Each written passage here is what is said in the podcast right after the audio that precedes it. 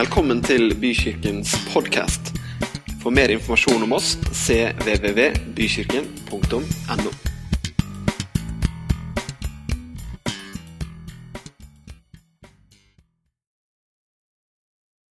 Å Herre, vi takker deg for at vi kan stå i din nærhet, Herre.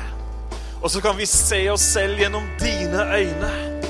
Og så kan vi få minne oss sjøl på her og nå at vi er dine. At vi kan stå frie i din kjærlighet. Halleluja. Takk, Herre, at du ser hjertet vårt. Og at du ser, Herre, lengselen vi har etter å kjenne deg mer, Herre og gjøre deg kjent. Takker deg, Herre, for at vi kan komme sånn som vi er framfor din trone. Du har åpna veien, du har satt døra på vidt gap, og vi kan få komme. Det takker vi deg for. Amen. Amen.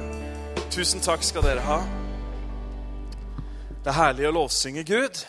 Jeg tenkte på en ting eh, Jeg har tenkt på det før òg, men jeg tenkte på det en gang til at det er lettere å synge sammen med andre enn å synge helt aleine. Er du litt enig i det? Det er i hvert fall lettere hvis man liksom plutselig skal synge til et spesielt tidspunkt. Så hjelper det veldig å synge sammen med noen andre. Hvis jeg bare hadde skrevet i almanakken klok søndag klokka 11, så skal du begynne å lovsynge litt, så kan det hende at det ikke hadde skjedd akkurat der og da. Men fordi jeg møtte opp her, og fordi det var noen andre her, så var det liksom, selv om jeg ikke kjente så for å Ja, så var det noen andre som gjorde det. Og så kjenner vi det at vi hjelper hverandre. Det er en av oppgavene søndagsgudstjenestene har. Det er at vi skal hjelpe hverandre. Og skal vi det? Ja. Vi skal hjelpe hverandre. Vi skal sette litt mot i hverandre. Vi skal oppmuntre hverandre. Vi skal smile til hverandre. Og på den måten så utfører vi noe overfor hverandre. Vi bekrefter hverandre, og vi bygger hverandre opp på vår høyhellige tro. Er ikke det fantastisk? Så du vet, Det er liksom ikke for å få en fin frammøtestatistikk at det er bra å være her på søndag. Nei, det er ikke det. Det er fordi at du skal få litt hjelp. Jeg vet ikke det er med deg, men jeg trenger litt hjelp innimellom. I dag så var jeg så glad for at bilen starta, for den var så tregt å starte i går. Så jeg tenkte at en natt til med 8-9 minus, jammen ikke skulle det passe godt, tenkte jeg da. Du så positiv han var på søndagsmorgen, han pastoren. Nå er det fint, tenker jeg. Nå har Julia dratt, nå har jeg ikke noe bil å starte med. Nå er jeg aleine med to små unger, og alt er innesnødd. Nå er det fint hvis han ikke starter. Men han starta. Halleluja. Og nå, i kveld skal jeg sette den til lading, altså. Det har jeg sagt til meg selv fire kvelder denne uka her. Ja, ja. Det er veldig fint å se dere. Det er spesielt hyggelig å se dere som jeg ikke har sett før. Og noen som jeg ikke har sett på lenge. Det er ekstra hyggelig. Du vet, Jeg lever i tro. Det betyr at jeg lever uten å se fysisk. Jeg sitter aleine på dette huset her hele uka. Og jeg ser ingen, men jeg ser dere i ånden. Noen ser jeg fordi jeg SMS-er litt, noen ser jeg fordi jeg ber for dem. Og da er det ekstra hyggelig å se dere fysisk, så tusen takk for at du dukker opp. Nei, men det er, det er sant, det. Du gjør deg bedre live enn på SMS. Ja vel. Jeg sa det forrige uke, og jeg sier det egentlig igjen.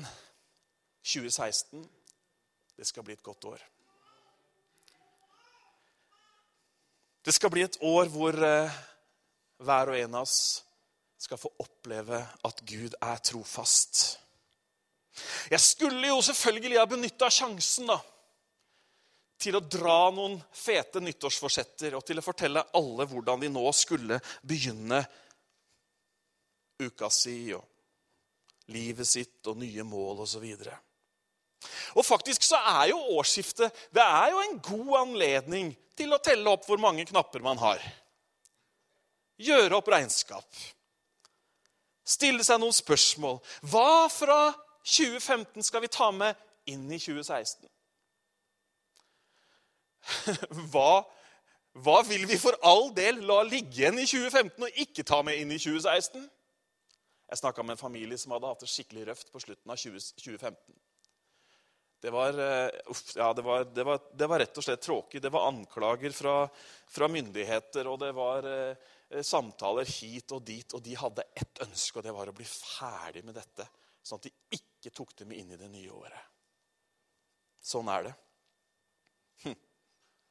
Også som menighet, som bykirken, så kan det jo være en god mulighet til å spørre seg gjør vi det som vi skal gjøre. Gjør vi det som vi er kalt til? Er vi alt det vi er ment å være? Merker de som vi er der for, at vi er der? Hva er hensikten med at du og jeg er plassert der hvor vi er? Gjør vi nabolaget vårt varmere? Så må vi ikke glemme at menigheten, det er deg og menigheten, det er meg. Det er alltid lett å si hva de andre burde gjøre, og så glemme oss sjøl. Men det er noe som har landa inni meg for denne søndagen, som jeg skal forsøke å både uttrykke og trykke ut. Noen ganger så er det sånn med meg, eh, kanskje med deg også, at du går og tenker på noe. Du føler egentlig aldri at du blir ferdig. Og hvis du driver sånn som jeg holder på og preker, og sånn, så er det litt plagsomt de gangene hvor du føler at ikke alt liksom er prosessert, eller du kunne sagt enda mer om det. Noen smiler og kjenner seg igjen i, i hvordan det kan være. Men jeg har likevel lyst til å dele noe som ligger meg på hjertet, og jeg tror at det kommer til å oppmuntre deg. Kanskje er det med fare for å si noe som du har hørt før. Men den faren, den stiller jeg meg frivillig over. overfor. Men før jeg skal dele det verset fra dere, for dere, eh, så har jeg en liten bekjennelse å komme med. Det er nemlig sånn i, eh, i hjemmet vårt at ved siden av lovsang og salmer og åndelige viser og Jarle Valdemar Jeg vet ikke hvilken kategori han hører til i. Så er det en viss annen sang som har vært flittig brukt. Og som er veldig populær. Spesielt hos noen. Og Nå skal jeg se om dere vet hvilken sang det er, hvis jeg bare synger de første to lydene. Blir det med å synge de neste lydene hvis du kan den? Lover du meg det? Gunnar, du er også med?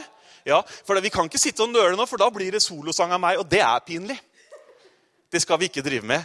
Men da begynner jeg, og så er dere klare, og så sier jeg Og hiv!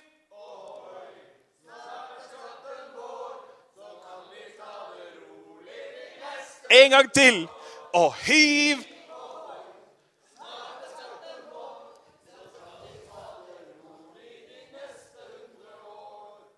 Fantastisk hva denne kirken, hvilken kapasitet vi har.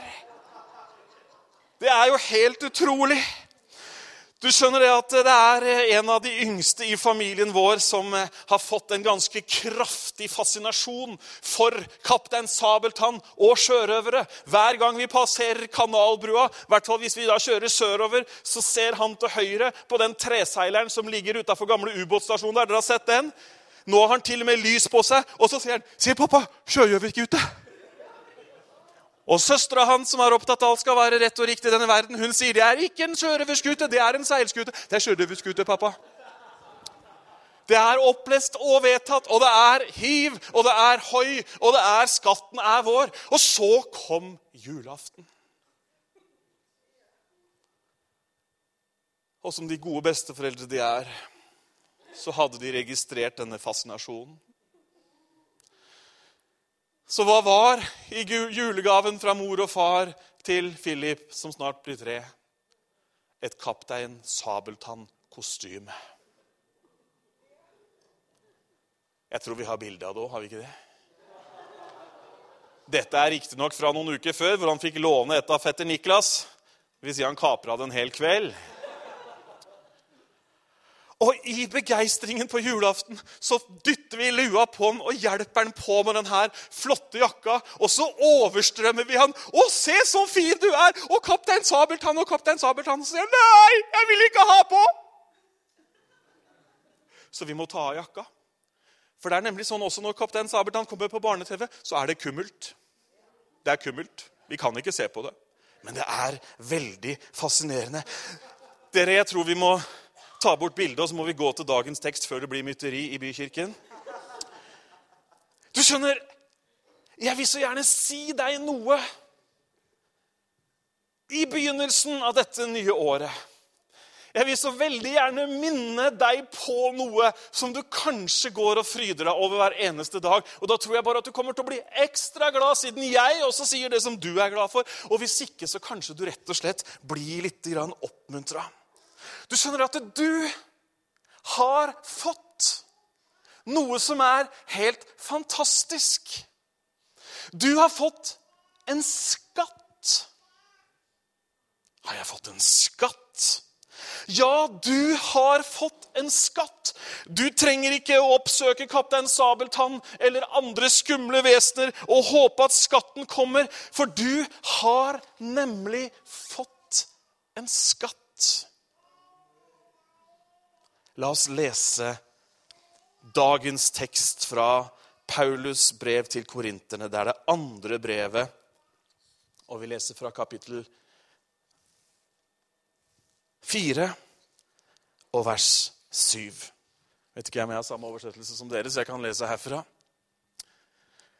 Men vi har denne skatt i leirkar for at den rike kraft skal være av Gud og ikke fra oss selv. Vi har denne skatten i leirkar for at den kraften ikke skal være fra oss selv, men fra Gud. Jeg skal lese en annen oversettelse som heter Den levende bok, og den sier det sånn. Men denne dyrebare skatten, lyset og kraften som skinner i oss, bærer vi i et leirkar. Det skal være helt klart at kraften er fra Gud og ikke fra oss selv. Det er Paulus. Han som opplevde å møte Jesus på veien til Damaskus. Med et kraftig lys, med en kraftig stemme.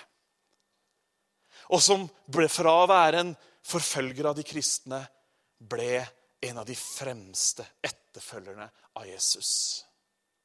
Han hadde utdannelse, han hadde historikk, han hadde familiebakgrunn. Han hadde virkelig noe å skryte av. Men så er det én ting han er så utrolig tydelig på, og det er at han i seg sjøl er ingenting. Men han som bor i han, han er alt. Han er en skatt. Det er litt forunderlig. En skatt i et leirkar. Gud har gitt deg og meg noe. Hvis du er her i dag og du har tatt imot Jesus som din personlige frelser, du følger han, da har du fått en skatt. Men den skatten, den er ikke i det mest oppdaterte sikkerhetsrommet som finnes. Den skatten er ikke i en pen, polert beholder som er både vanntett og, og støvtrygg.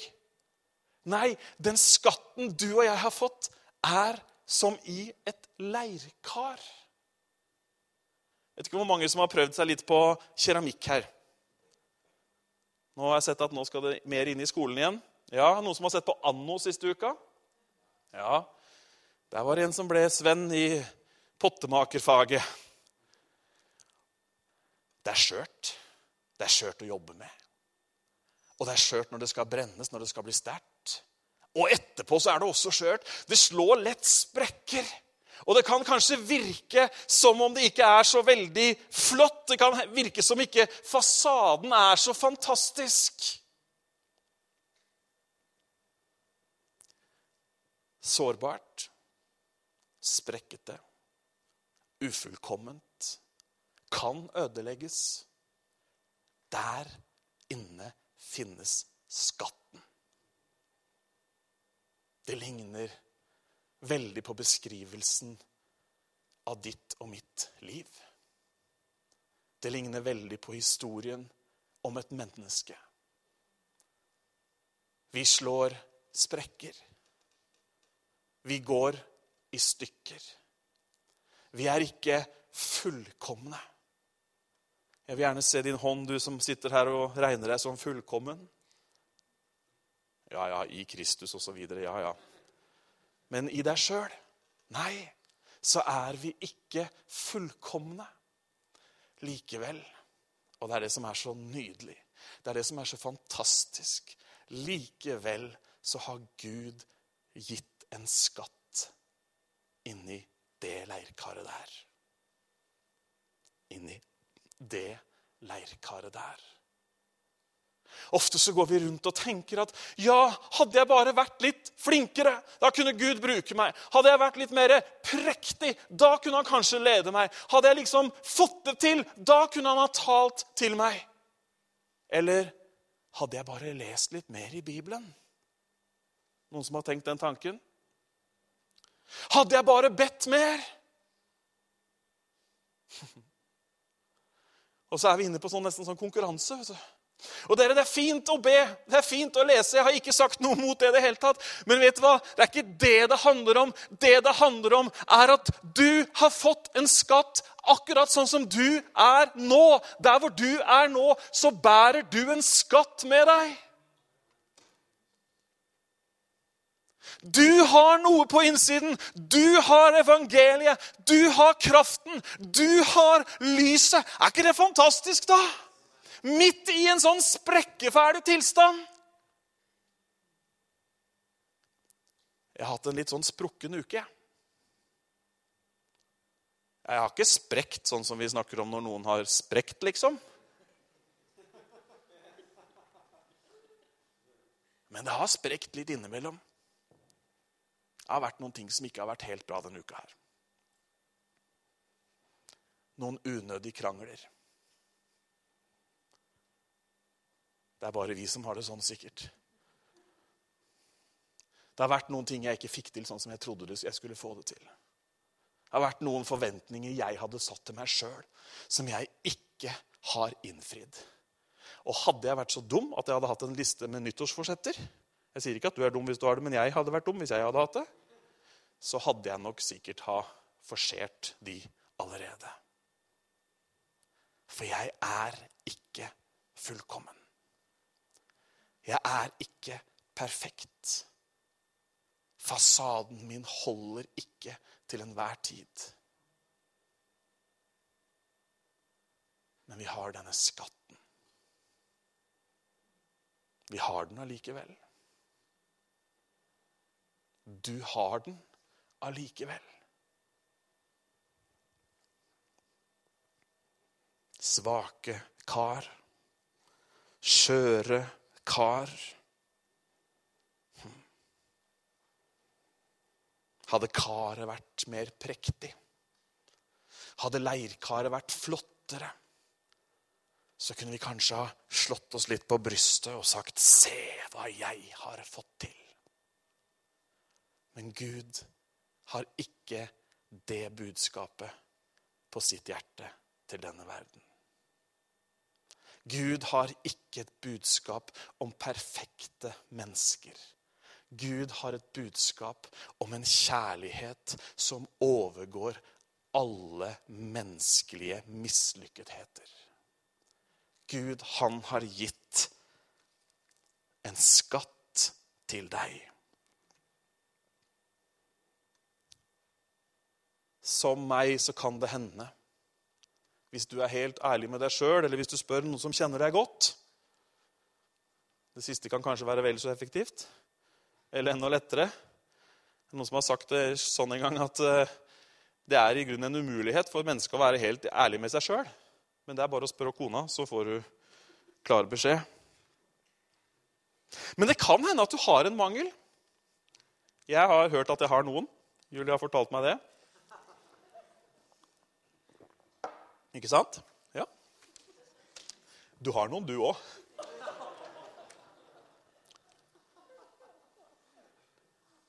Det kan hende at jeg har en eller annen til kortkommenhet. At det er et eller annet område i livet hvor jeg er litt ikke helt, ikke helt oppe. Men like fullt så har han gitt meg en skatt. Like fullt så har han latt meg få oppleve kraften i evangeliet. Like fullt så har han fått latt meg få se lyset fra hans herlighet. I et sprukkent kar. I en ikke fullkommen person.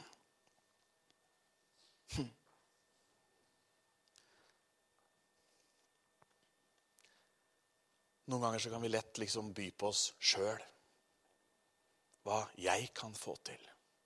En gang så skrev jeg det i en søknad jeg måtte skrive veldig fort på en jobb. Jeg var, i, var en tur i London, og så plutselig så ble jeg gjort oppmerksom på at ja, men den jobben den kunne passa fint for deg akkurat da. Og så satt jeg der og skrev søknaden på en, på en PC uten æ, ø og å og hadde egentlig ikke tid til å skrive søknaden. i det hele tatt, og Så skal man jo skrive noen svake sider. Det gikk veldig fort. Og så tok jeg noen sterke sider. Det gikk også veldig fort. Og så skrev jeg Ellers så sier jeg som svensken Jeg bjuder på meg selv. Det skrev jeg i søknaden. Jeg fikk jobben. Prøv den neste gang. Men vet du hva? I møte med de menneskene rundt oss, i møte med naboer, i møte med de som vi har fått i oppdrag å vinne for evigheten, så er jeg så glad for at ikke det er meg sjøl jeg skal by på. Men jeg skal la skatten komme til syne. Jeg skal la det lyset få komme fram. Du skjønner at det, Og det er det som er så deilig. Det første du har en skatt. Er det ikke fint? Tenk litt på det der hvor du sitter. Lukk øynene dine.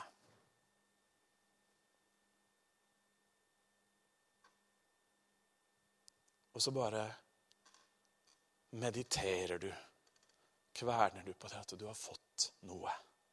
Du har fått en skatt. Du har fått noe veldig verdifullt.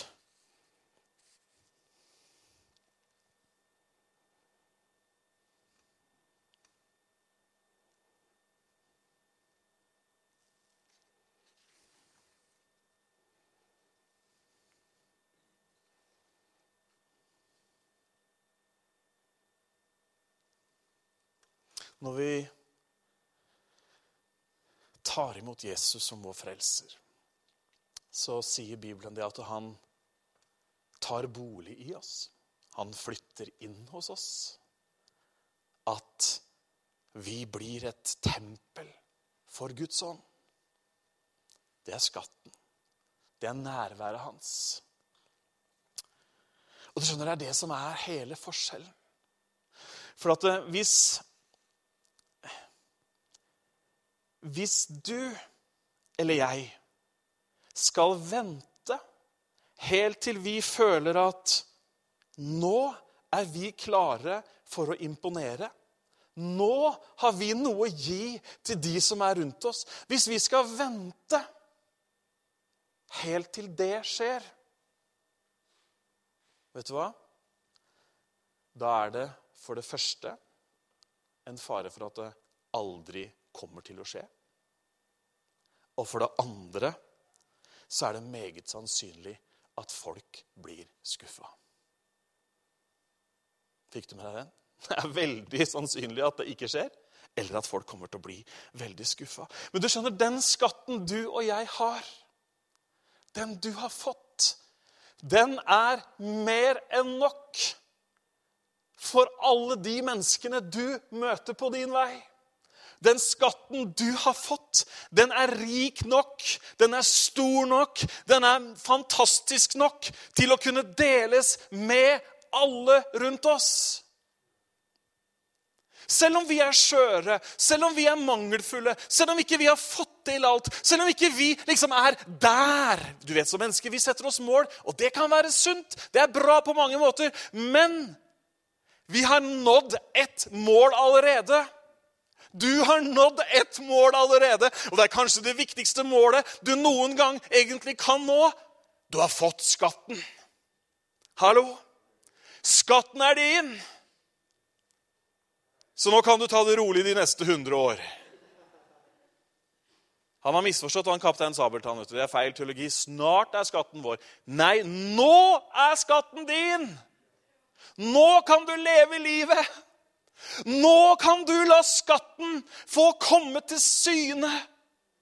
La kraften få berøre de rundt deg. Ja, men jeg må vel Nei. Jeg burde vel Nei. Jeg må vel vente til Nei. Du har fått skatten nå. Ufullkommen. Ikke perfekt. Det vet vi alle som kjenner deg. Tåler en spøk. Men jeg kjenner meg sjøl. Men så vet jeg likevel at jeg har fått skatten. Og jeg bærer den med meg. Og den er dyrebar. Den er attraktiv. Den er ettertraktet. Hva inneholder skatten vår?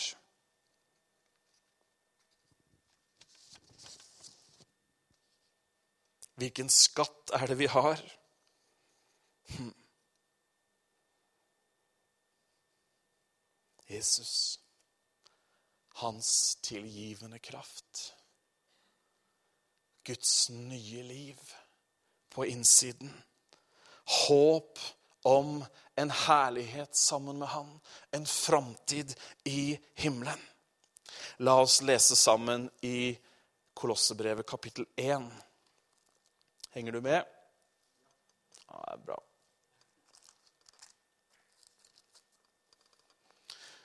Du skjønner at Jesus han bor i deg og meg.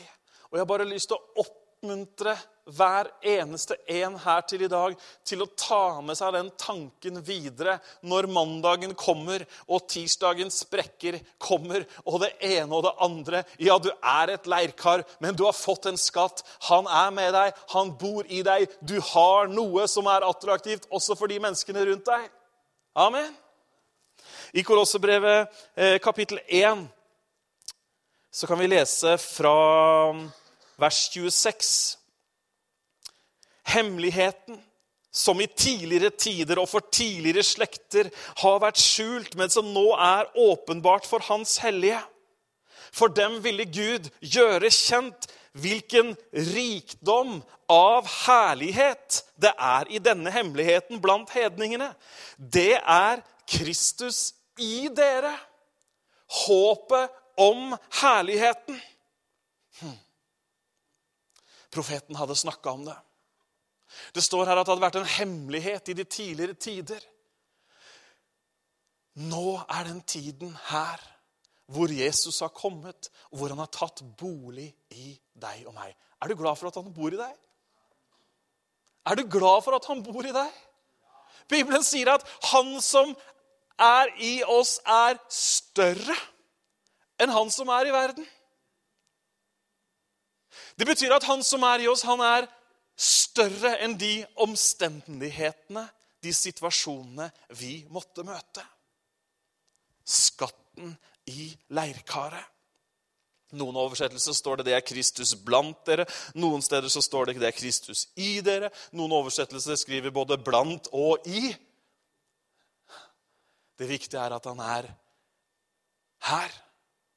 I oss og rundt oss. Og så står det i vers 28.: Han forkynner vi, og vi formaner hvert menneske og lærer hvert menneske i all visdom, for at vi kan fremstille hvert menneske fullkomment i Jesus Kristus. Mot dette, sier Paulus, arbeider også jeg, og jeg kjemper ved hans kraft, som virker kraftig i meg. Jeg har en eh, bønn og en drøm om at vi som troende må bli klar over at den skatten har vi fått.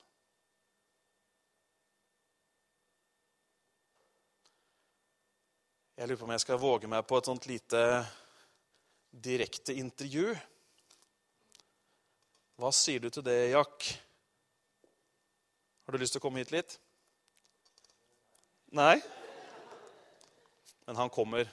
Du fortalte oss noe i Life-gruppa om en som hadde fått en skatt, og som delte den skatten med deg når du tok imot Herren. Han som du jobba sammen med. ja, når du ble frelst. Kan ikke du fortelle den kort? Hei. Min frelsesvei. Begynnelsen på den var eh, Jeg jobba på Kalnes. Og eh, har alltid lurt på livet. Uh, Syns vel egentlig, egentlig ikke at det har vært eh, nok. Dette med at vi skal leve, jobbe, eh, arbeide, få unger og dø. Det har liksom mangla noe der. Så, så, jeg har liksom søkt Jeg kan huske at jeg har søkt siden jeg var 14 år. Og da jobba jeg på Kalnes, og så sitter jeg hjemme da, og så sier jeg vel eh, til Gud Da hadde jeg ikke noe uh, kunnskap om hvem Jesus var, egentlig. Så det er Gud, hvis du er der, så får du komme nå. Nå gidder jeg ikke mer. Jeg sa rett og slett det. Så går jeg på jobben dagen etterpå og var like blid og fornøyd egentlig, og jobba videre. Og så kommer det plutselig Da var det veldig mye folk på Kalnes. Det var voldsomt arbeid som foregikk der var leid inn fra hele landet, egentlig. Så eh, Mesteparten av de som jobba der, hadde jeg jo aldri sett før. Så kommer det plutselig en kar bort til meg. Han var sveiser. Og så sier han til meg jeg har aldri sett den før. Første gang han er på Kalnes, så sier han til meg Han var veldig liten og puslete, og da var jeg trena og stor. Så han kom liksom, liksom forsiktig bort til meg. Så, for, jeg så litt skummel ut med barbert hode og skjegg, akkurat som jeg skulle se mest mulig skummel ut. Det var liksom noe vi måtte gjøre. Så, så, sier han til meg forsiktig Er du Jack? Og for det første så var jeg litt skremt over at han kunne navnet mitt. Men det kunne visst. Ja, sier jeg. Jeg, jeg heter Jack. Og så spør han eh, eh, Ba du til Gud i går? Da ble jeg skremt.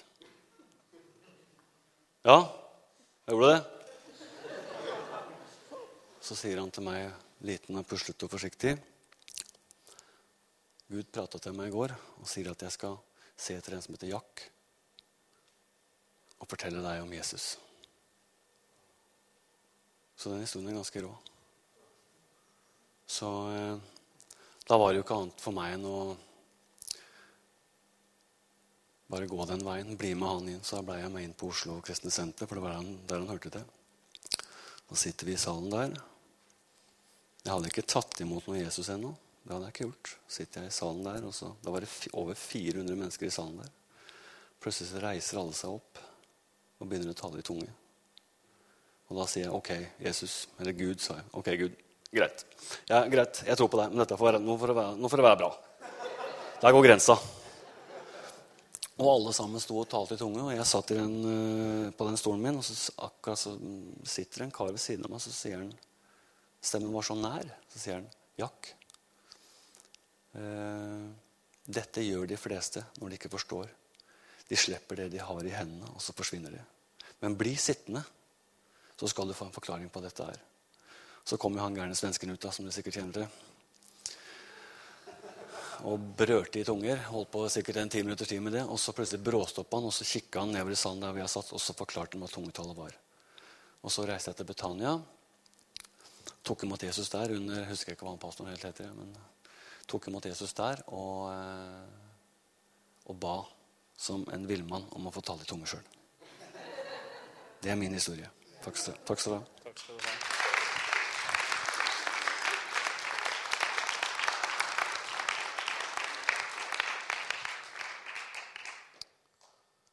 Fantastisk å høre hvordan eh,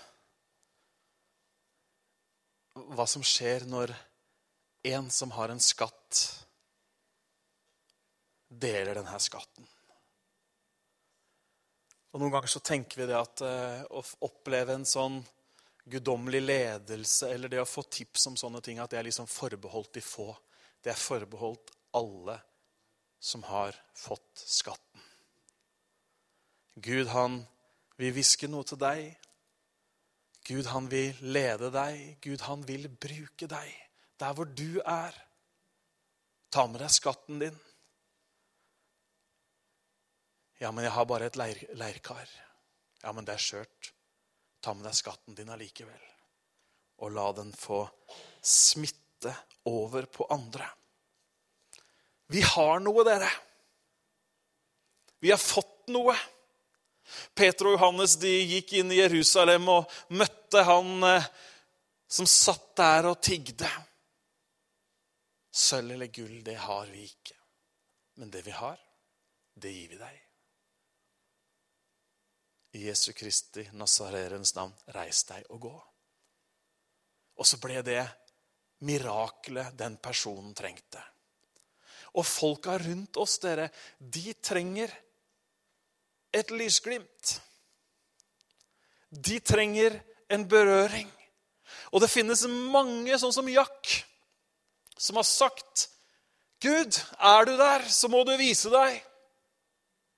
Gud, hvis det er sånn at du fins, så la noen fortelle meg det, vise meg det, demonstrere det. Det de sier, er egentlig Finnes denne skatten, så vil jeg ha den. Finnes dette livet, så vil jeg gjerne få smake det.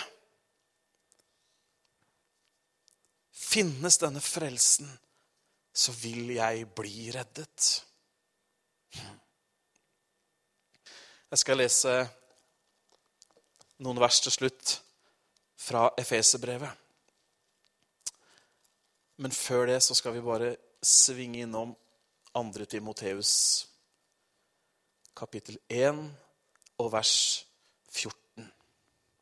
Paulus skriver til Timoteus,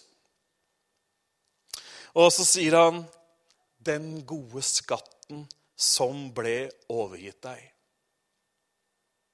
Den gode skatten som ble overgitt deg, skal du bevare ved Den hellige ånd som bor i oss. En annen oversettelse står det den gode skatten skal du bevare, og Den hellige ånd skal hjelpe deg til det. Det er fint. Du har fått en skatt. Du har noe. Du har noe nå. Det kommer ikke etter påske. Det er ikke passende for 2017. Du har noe nå. Mange har sikkert opplevd det. og Det kan være så enkelt noen ganger som at man er på et møte sånn som nå. Og så opplever man at man får en sånn tilskyndelse, eller man får en sånn tanke vet du hva, Nå skal jeg, nå skal jeg gå så skal jeg, nå skal jeg be for Ole. Ole han sitter der. Han har bursdag i dag. Så vet du det. Så kan man få en sånn tilskyndelse, man kan få en sånn tanke. Gud leder oss. Nå skal jeg gå og velsigne Ole. Nå skal jeg be for han. Eller så kan man få en tanke om at vet du hva, den personen den trenger hjelp til det eller det. Gud ønsker å bruke oss. Gud ønsker å ta den skatten som vi har fått. Selv om ikke vi er fullkomne, jeg håper du har fått det med deg, så vil han bruke deg ufullkommen. Vi hadde en gammel dame i menigheten her før. Hun var eh, fostersøster til min farfar. Sonja, mange av dere husker henne. Hun hadde sprekker. Det var ikke så vanskelig å se sprekkene hennes noen ganger. Livet hadde slitt ille med henne på mange måter. Og hun var absolutt ikke et fasademenneske. Hun var på ingen måte perfekt. Det vet alle dere som har møtt henne. Men hun hadde fått en skatt. Hun visste at hun hadde fått en skatt.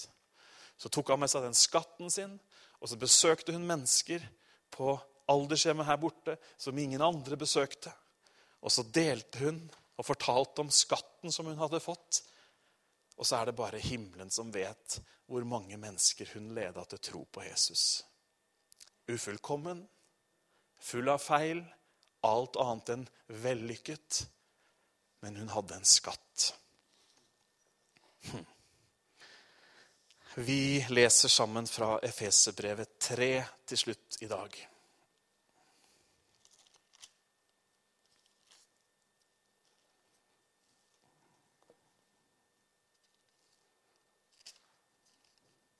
Unnskyld, det var Efeserne 1.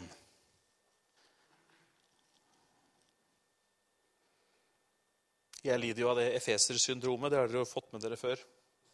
Det er så mye bra at det er veldig vanskelig å vite hvor man skal begynne eller slutte. eller omvendt. For det ene tar det andre. Paulus har skrevet dette på en veldig god dag. Her er det veldig mye bra. Og Noen ganger så liker jeg å lese et, et brev sånn i ett strekk. Gjør du også det? Gøy å lese litt sånn bakgrunn. Hvorfor ble dette brevet skrevet? Og så videre, og så videre. Så noen ganger når jeg gjør det med Efeserbrevet, så liksom tenker jeg nå skal jeg lese hele brevet, men det blir kapittel 1. kan du si. Ikke fordi jeg sovner, men fordi det er så mye å tenke på og være takknemlig for. Jeg skal lese fra vers um, 17. 1, 17. Jeg ber om at vår Herre Jesu Kristi Gud, herlighetens Far, må gi dere visdom og åpenbaringsånd i erkjennelse av Han, og at deres forstands øyne blir opplyst, slik at dere kan forstå hvilket håp dere fikk ved Hans kall, og hvor rik på herlighet Hans arv er blant de hellige. Og forstå hvor overveldende stor hans kraft er for oss som tror, etter virkningen av hans mektige kraft. Det var den han lot virke i Kristus da han reiste han opp fra de døde og satte ham ved sin høyre hånd i den himmelske verden. Høyt over all myndighet og makt og kraft og herredømme og over hvert navn som nevnes, ikke bare i denne tidsalder, men også i den kommende. Tenk på skatten din, slik at dere kan forstå hvilket håp dere fikk. Tenk på den skatten du har fått.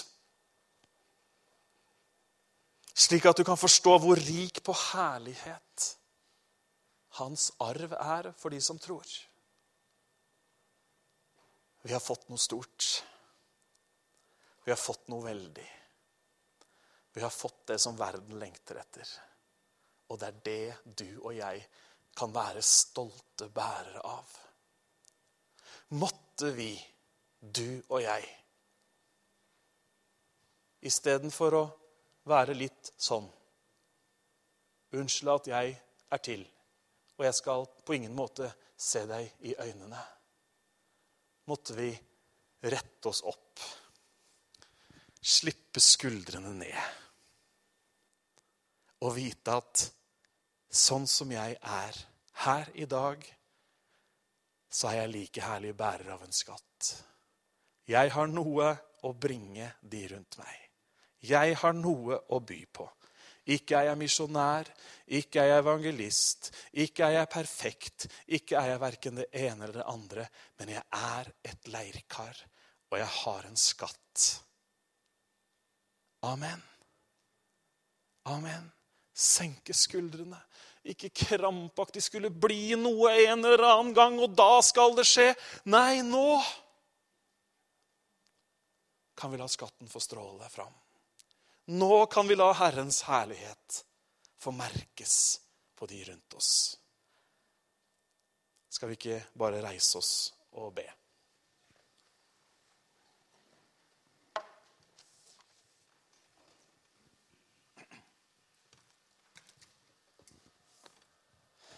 Kanskje har du sittet her i hele formiddag og hørt om denne skatten. Men så har du aldri fått den. Du har aldri opplevd å få den skatten. Kanskje du kjente deg veldig igjen når vi snakka om leirkar. Kanskje du kjente deg veldig igjen i at ja, men jeg er jo ikke god nok. Jeg er jo ikke fullkommen nok. Jeg er jo ikke bra nok liksom, til å kunne oppbevare en skatt. Vet du hva? Jeg er heller ikke bra nok i meg sjøl.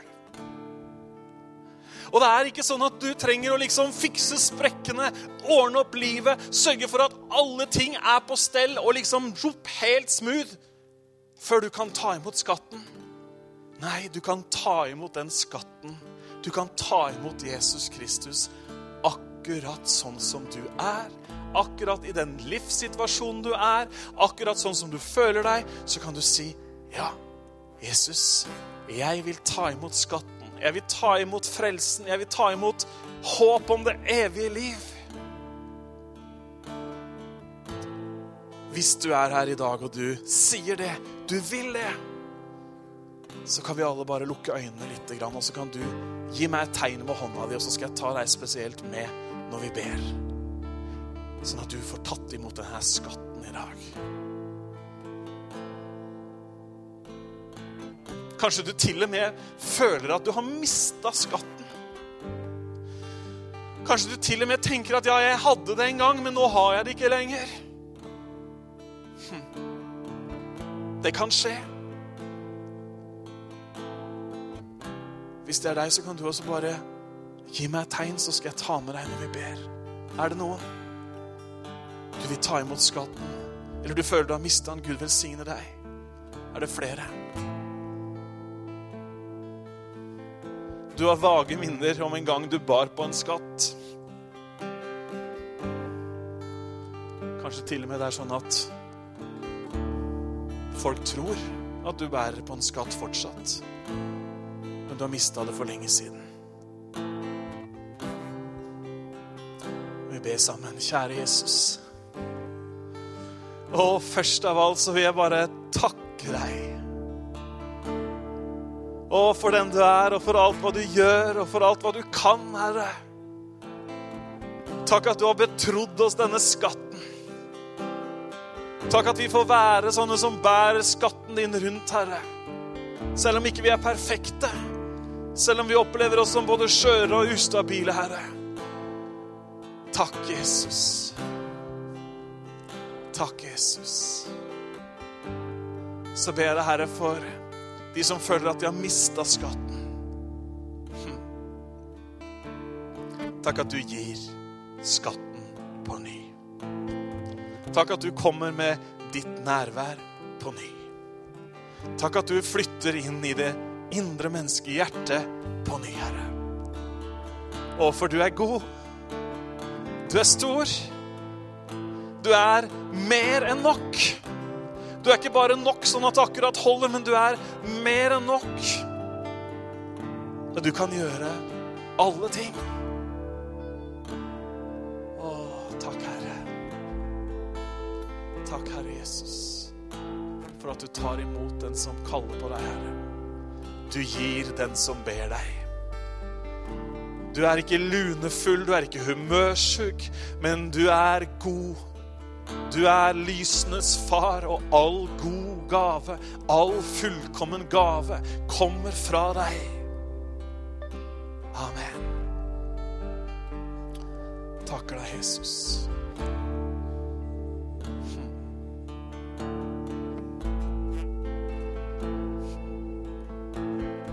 Jeg tror virkelig det er dagen hvor vi kan få ta imot fra Herren. Jeg tror virkelig det er eh, dagen i dag hvor vi kan, midt i vår situasjon, midt i vår opplevelse av det ene eller det andre, så kan vi ta imot fra Herren det vi trenger. Hvis du trenger ny styrke, hvis du trenger at Gud rører ved kroppen din.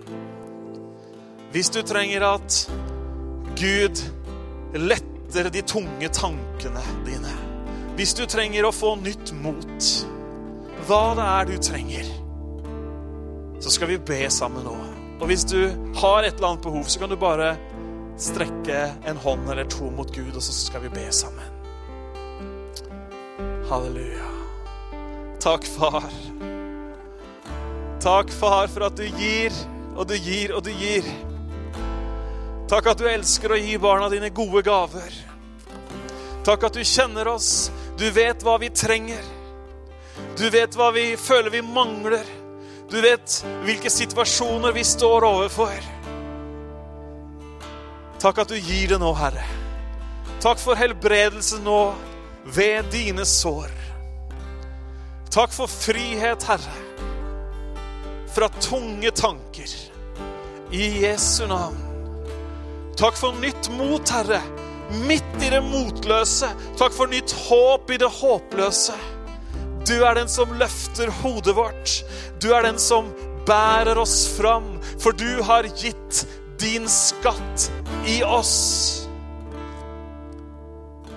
Takk at du rører Vi er ditt, dine barn nå, Herre. Takk at vi kan få ta imot fra deg. Takk at vi med våre egne ord kan si takk, Herre, for at du gir meg dette nå. Takk for helse. Takk for frihet. Takk for nytt mot, Herre. Ber om kraft og styrke.